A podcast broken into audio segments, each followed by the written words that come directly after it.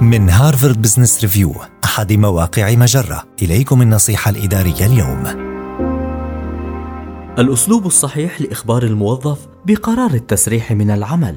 بعد أن تقرر أنه حان وقت التخلي عن أصحاب الأداء المنخفض وبعد أن تكون قد جهزت كافة المستندات والأوراق اللازمة ونسقت مع قسم إدارة الموارد البشرية يبقى عليك إجراء المحادثة المخيفة التي سوف تخبر بها الموظف بأنه لن يكون جزءا من مشروع الشركة القادم. كيف يمكنك القيام بذلك بشكل صحيح؟ أولا استعن بقسم الموارد البشرية لمساعدتك في إدارة العملية فحضور شخص ثالث يكون حليفا يساعد في سد أي فجوة في هذا الحديث ولا تطل أمد الحديث واستخدم خلال الاجتماع كلمات بسيطة ودقيقة. ثانيا، أظهر تعاطفا مع الموظف المسرح. إن كنت تعتقد فعلا أن لديه مهارات قد تثمر في مكان آخر، عرض عليه أن تكون بمثابة مرجع لأصحاب العمل المستقبليين أو عرض مساعدة من نوع آخر. ثالثا، نقل الخبر إلى فريقك شخصيا دون الكشف عن التفاصيل الكامنة خلف القرار.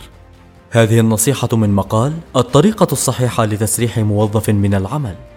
النصيحة الإدارية تأتيكم من Harvard Business Review أحد مواقع مجرة مصدرك الأول لأفضل محتوى عربي على الإنترنت